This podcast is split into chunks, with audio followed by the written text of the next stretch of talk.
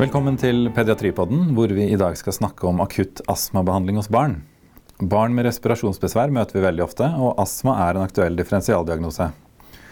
Når et barn kommer inn med ambulanse og metning er under 80% så må man handle fort, og nylig har akutt astmabehandlingsprosedyren blitt revidert.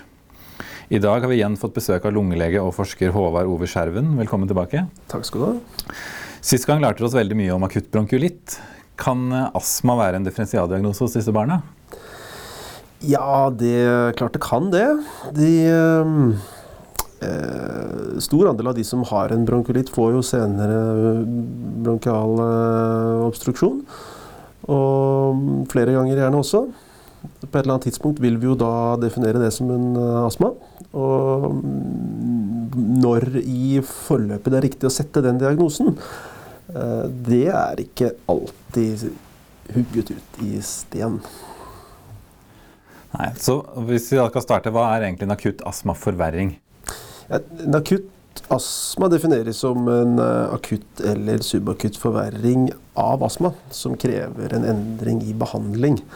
I begrepet akutt astmaforverring ligger det jo da at du har en underliggende ø, kronisk ø, tilstand mm. ø, som med en vedvarende i hvert fall sårbarhet for økt Eh, betennelsesreaksjon eh, utløst av ulike triggere. Hos noen også med kontinuerlige symptomer. I motsetning da til en bronkulitt, som, eh, hvor du ikke har den koblingen til en kronisk underliggende tilstand. Mm. Og en astmaforverring kan man jo få ved f.eks. fysisk aktivitet eller allergener. Men barn kan også få det eh, i forbindelse med virale luftveisinfeksjoner. Kan voksne også få det? Absolutt. Virale infeksjoner uh, står for over halvparten av uh, akutte astmaforverringer, også hos voksne. Og det er nok de samme virusene i hovedsak som, uh, som gir problemene. rinovirus er den vanligste årsaken til en klassisk akutt astmaforverring. Hos små barn så er det ofte andre virus som gir eh, nedre luftveisinfeksjon og eh, med eller uten tetthet i brystet. Der kommer gjerne den litt vanskelige avgrensningen av hva dette skal kalles. da. Mm. Hvordan kan vi da skille en klinisk astmaforverring fra andre årsaker til tett pust? Altså, en klassisk eh, astmaforverring uh, karakteriseres av uh, tegn på bronkial obstruktivitet med forlenget eh, ekspirium. Eh, inndragninger ved, ved, inspirasjon og ekspiratoriske pipelyder. Um, hos små barn da igjen gjerne med et forutgående brodrom med viral luftveisinfeksjon. Uh, snørring uh, og hoste. Mm. Er det alltid sånn at man hører disse pipelydene når de Nei, det, det, er ikke det. Særlig de som er alvorlig uh, syke. Uh, der kan man få redusert respirasjonslyd. Mm. Og det, um, det, er som sagt et alvorlighetstegn. Ja.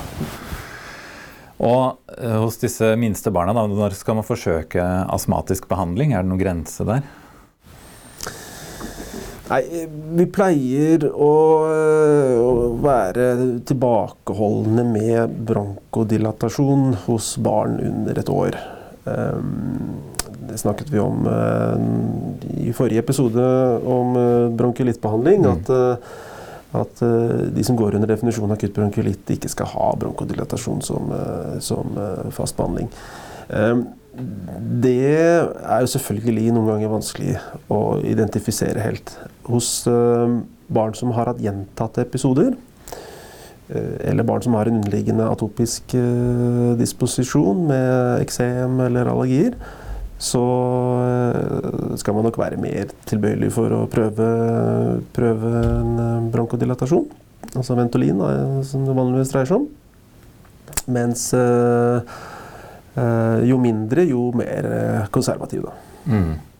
For i motsetning til bronkulitt, så her er, har inhalasjoner noe for seg? Absolutt. Hos et eh, barn med en uh, astmaforverring så skal man bruke uh, beta-2-agonist. Mm. Og hvis man da hjemme ringer ambulanse eller drar på legevakten og der får god effekt av bronkodilatorer, trenger man da å komme inn på sykehus? Nei, de fleste, de fleste, gjør jo ikke det. Uh, de, de, fleste, særlig de som har blitt litt kjent med tilstanden sin Astma er jo som sagt en kronisk residiverende tilstand. De lærer seg uh, et behandlingsregime som fungerer godt nok til at de ikke trenger å, å komme inn på sykehus. Mm.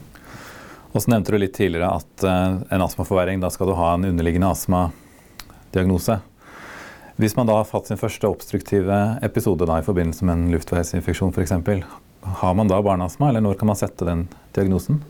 Nei, Du setter ikke den diagnosen ved første obstruktive episode. Um, vi pleier å, å, å, kreve at det skal være residiverende tilstand. Det som kan modifisere det litt, er graden av uh, kroniske symptomer. Vedvarende hoste og surkling. Eh, og eh, samtidig atopi, eh, som vi var inne på.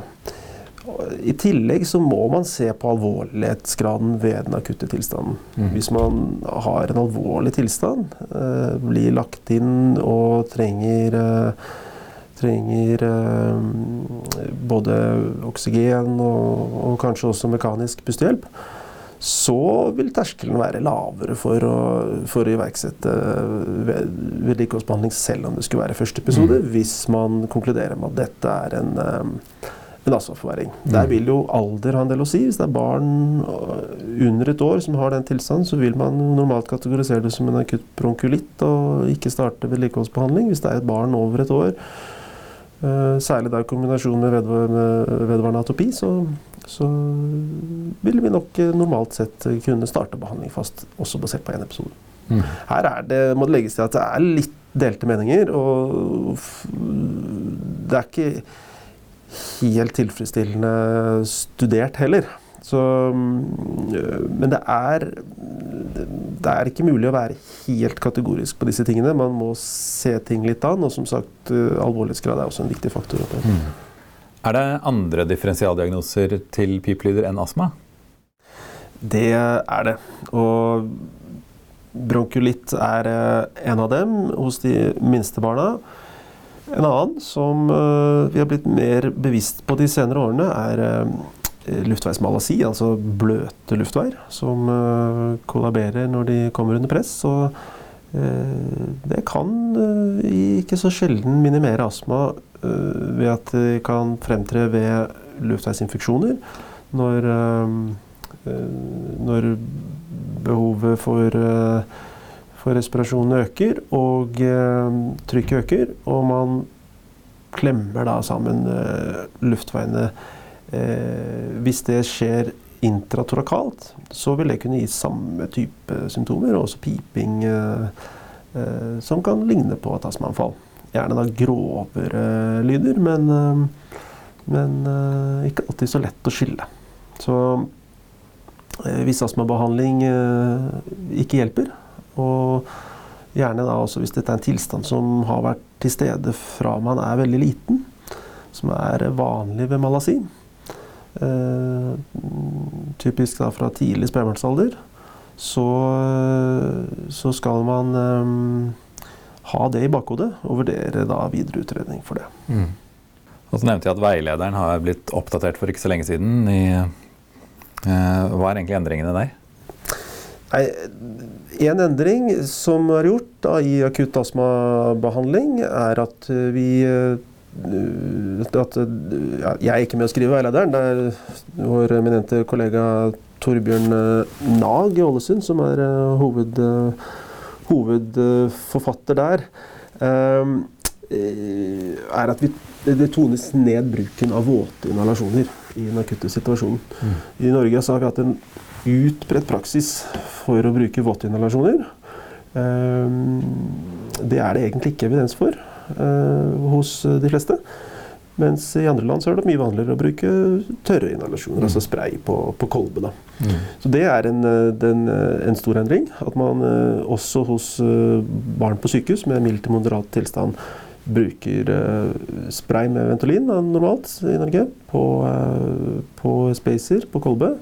Enten da på maske eller munnstykke. Eh, gjerne da gjentatt opptil fire til seks og kanskje enda flere doser på løpet av kort tid. Eh, fordelen med det er at det går raskere. Det er vanligvis lettere å administrere. Og det er en behandling man kan gi hjemme. Mm. Sånn at det er en betydelig oppdragende effekt også mm. for, for, foreldrene og, og barna å få dette demonstrert ja. på sykehus. Um, en annen endring er at uh, bruk av rasemisk adrenalin, som um, sto, sto, relativt høyt opp på lista tidligere, det er ikke en del av behandlingsalgoritmen lenger. Og at, at Ipletroprumbromid, altså Atrovent, har, har kommet inn som en mer naturlig del av av behandlingen. Det er laget et veldig godt flytskjema som da ligger på, mm. på uh, veilederens hjemmeside. Da, men det, det så jeg den veilederen, var at på den hvis man klassifiseres som en alvorlig astmaforverring, da skal man allikevel gi våte inhalasjoner. Er det noe, kan man ikke der prøve en tørr inhalasjon der òg? Eh, fordelen med å gi våt inhalasjon er jo at man kan drive den på ren oksygen. At du får gitt oksygentilskudd samtidig. Mm og at du ikke krever uh, samarbeid. Uh, som du da gjør ved å gi en tørr inhalasjon. Mm. På samme måte. Så um, hos, de, uh, hos de alvorlig syke barna så anbefaler vi fortsatt å, å gi det som, som førstevalg. da. Mm. Og så kan man også gi våte inhalasjoner til andre barn som ikke samarbeider og man er i tvil. Men, men som hovedregel så anbefales nå tørre inhalasjoner til de fleste barna som kommer inn på sykehus med astmaforverring. Det er jo ganske mange puff man skal eh, forsøke med disse tørre inhalasjonene. Kan man ta for mye Ventolin? Er det noen grense der? Det er veldig høy toleransegrense for uh, Ventolin. Uh, og husk på det at én dose med en, med, altså en spray inneholder 0,1 mg Ventolin. Våtinhalasjoner gir man jo minst ti ganger så mye i, uh, per inhalasjon. Så går det en del bort i, i lufta på en måte inhalasjon. Og det har noe med administrasjonen i dråpeform som er litt annerledes, men den er ikke så annerledes at det forsvarer den store doseforskjellen. Så bare der har man en del å gå på. Uh, men det er klart, får du for mye Ventolin, så kan du få Eh, Uh, sympatikusaktivering er jo en sympatikusagonist, eh, det også, på linje med adrenalin, selv om den er mer spesifikk inn mot uh, inn mot uh, luftveier. Så, uh, men i høye doser så vil det oppføre seg som adrenalin, og du vil få hjertebank og sitring og, og ubehag, da, uro. Mm. I tillegg til at du kan få hypokalemi, som er en kjent komplikasjon, men i praksis så er jo ikke det noe er, er, for er det noe man skal følge med på? Eller skal man ja, monitorere kalium? Ja, da, du, bør, du bør sjekke det selv hvis du gir mye, dos, mye Ventolin. Men jeg kan nesten ikke huske at det har vært et reelt behandlingskrevende problem. Mm. Uh, selvfølgelig unntak, men uh, generelt toleransegrensen er stor, og når de er for mye, så får du de uh, klare den klare sympatikusaktiveringen mm. som er ubehagelig. Mm. Bør man være tidligere ute med å legge til Atrovent for å kunne redusere mengden Ventolin man gir? Kanskje litt tidligere enn man var før. Er et andre valg, men, eh, men eh, eh, vi anbefaler å være, det anbefales å være litt, litt tidligere på enn man var før. Mm. Mm. Og astma er jo en atopisk sykdom, sånn som man, allergier er. Eh, og hvis man f.eks. har en anafylaktisk reaksjon, så kan man også bli veldig tett i pusten. Ja. Adrenalin rasemisk er helt ut, men hva med adrenalin intramuskulært? Vil det ha effekt ved en astmaforverring? Ja da, det er uh, definitivt og Adrenalin intramuskulært er jo en voldsom uh, adrenergagonist, som uh, også selvfølgelig vil være bronkodiliterende. anbefales likevel ikke, med mindre man har mistanke om en anafylaksi. Mm. men man, er man i tvil om det, så skal man absolutt sette adrenalin, og man skal gjøre det raskt. Mm. Det er potensielt livreddende og er forbundet med lite bivirkninger og komplikasjoner, egentlig. Mm. Men har jo en relativt kortvarig effekt, da, så det skal man jo være obs på. Og, eh, og, steroider skal man også få? Ja, ved et, uh, signifikant astmaforverring som er behandlingskrevende på sykehus, så er systemisk uh, uh, steroider en del av behandlingsforløpet. Ja. Som, som, gis uh, peroralt i all hovedsak. Ikke noe forskjell i effekt av det. Men uh, klart ved et alvorlig anfall hvor du kanskje er interessert i en spesielt rask effekt og, og kanskje også dårlig samarbeid med peroralt inntak, så, så er intravenøs mm. behandling interessert. Er det viktig å komme i gang med steroider fort? Vil det forkorte episoden? Ja, det kan det gjøre. Det er en, eh, en grunnsten i behandling av et uh, vesentlig astmaanfall. Mm. Mm. Og når de da kommer inn og man begynner å få kontroll litt over situasjonen, blodprøver og røntgen thorax, tryptase, er det ting vi skal ta? Eh, ta det siste først. da. Tryptase er jo et mål på, på eh, anafylaktisk reaksjon. Hvis du er reelt i tvil om det, og det har vært et, et nylig inntak av noe ukjent, så, man, eh, så, bør man ta det. Men det er jo på ingen måte en del av standardutredning. og et barn man har god kontroll på med en kjent diagnose, ikke alvorlig tilstand, så er det verken blodprøver eller røntgenbilder obligatorisk. Mm. Men hvis du har et barn som, som du strever med å holde metningen selv med oksygentilskudd, eller det er spesielt langvarig forløp uten respons på behandling, så bør man ta et røntgentoraks. Uh, vanligste funnet da vil nok være en, en betydelig atlektase. Mm. Som kan ha behandlingsmessige konsekvenser. Og når er det aktuelt å gå til annen IV-behandling? Magnesiumsulfat, aminofilin? Ja, det er når man ikke får tilfredsstillende respons på, på uh, konvensjonell behandling. Mm. Uh, det er sjelden. Det er unntaksvis. Og det er relativt dårlig dokumentasjon for de ulike IV-behandlingene. det er magnesiumsulfat som anbefales som, som førstevalg. Men det er et barn som du vurderer intensivbehandling på, mm. som er i den kategorien. Og inhalasjoner er essensielt her. Hvor lenge skal vi forsøke oss på inhalasjoner før man går til ventilasjonsstøtte? Nei, Inhalasjoner med bronkodilatasjon vil være grunnsteinen gjennom hele behandlingsforløpet. Eh, vurdering av behov for eh, mekanisk ventilasjonsstøtte gjøres jo ut ifra en totalvurdering mm. av eh, grad av oksygenbehov, eventuelt CO2-retensjon, og ikke minst graden av respiratorisk besvær. Det er slitsomt å puste tungt. Det krever mye energi. Det um, gjør også gjerne at du ikke orker å få i deg eh, adekvat med energitilskudd, så du tæres ut. Så det er jo gjerne litt ut i forløpet at man kan se noen barn med astma bli så sliten at de ikke, ikke orker, orker, mer. Altså. De mm. trenger, eh, trenger hjelp. Um, og da vil jo vanligvis uh, en CPAP, et overtrykk, uh, gjøre god nytte. Eventuelt en BIPAP, og så har du noen få som trenger intubasjon. Mm. Så til slutt skal disse utskrives, forhåpentligvis. Hvordan skal de følges opp videre? Og hva er viktig å tenke på ved utskrivelse? Nei, vi, vi uh, anbefaler at alle har en uh, skriftlig behandlingsplan som de kan uh, forholde seg til. Um, og har jo også i tråd med senere års oppdateringer eh, behandlingsplan for astma blitt noe enklere ved at man ikke lenger har dokumentasjon for at det å variere dosering av inhalasjonskortison uh, har noe for seg. At man heller bør stå på en fast dose. Mm.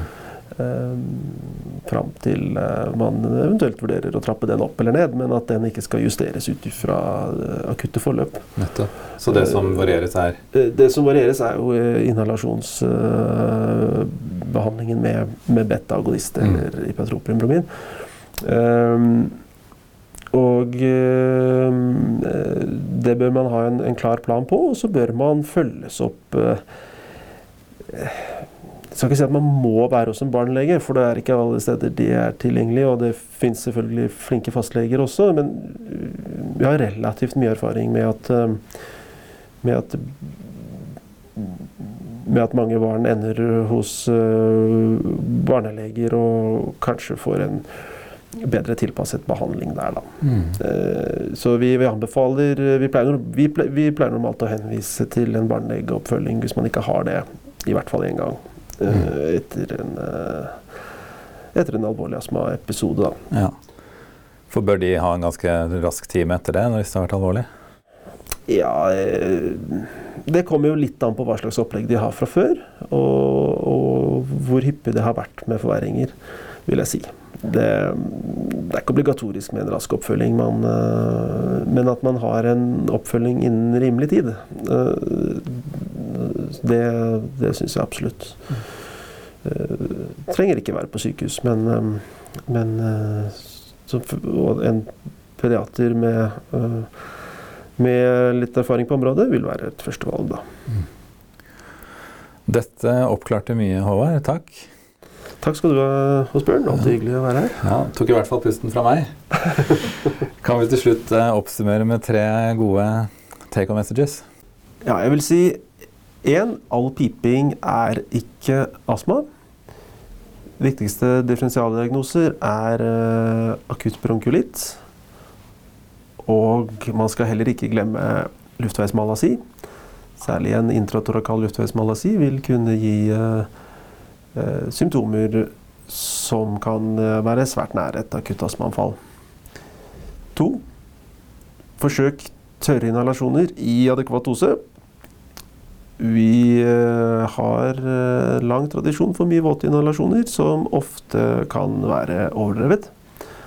Og tre, en god behandlingsplan, en god oppfølging er viktig. Ikke for komplisert. Eh, Det dreier seg jo mye om å bruke inhalasjonskortison fast over tid. Og det må eh, foreldrene oppdras i. Som vanlig veldig hyggelig å ha deg her i studio, Håvard Ove Skjerven. Takk for det. Og takk for at dere har hørt på. Dere finner oss på Spotify, iTunes og Podbean. Bare søk etter Pediatripodden. Og om pusten tillater det, kan dere sende spørsmål til pediatripodden at os-hf.no. Jeg heter Åsbjørn Vestvik, og vi ses om en uke.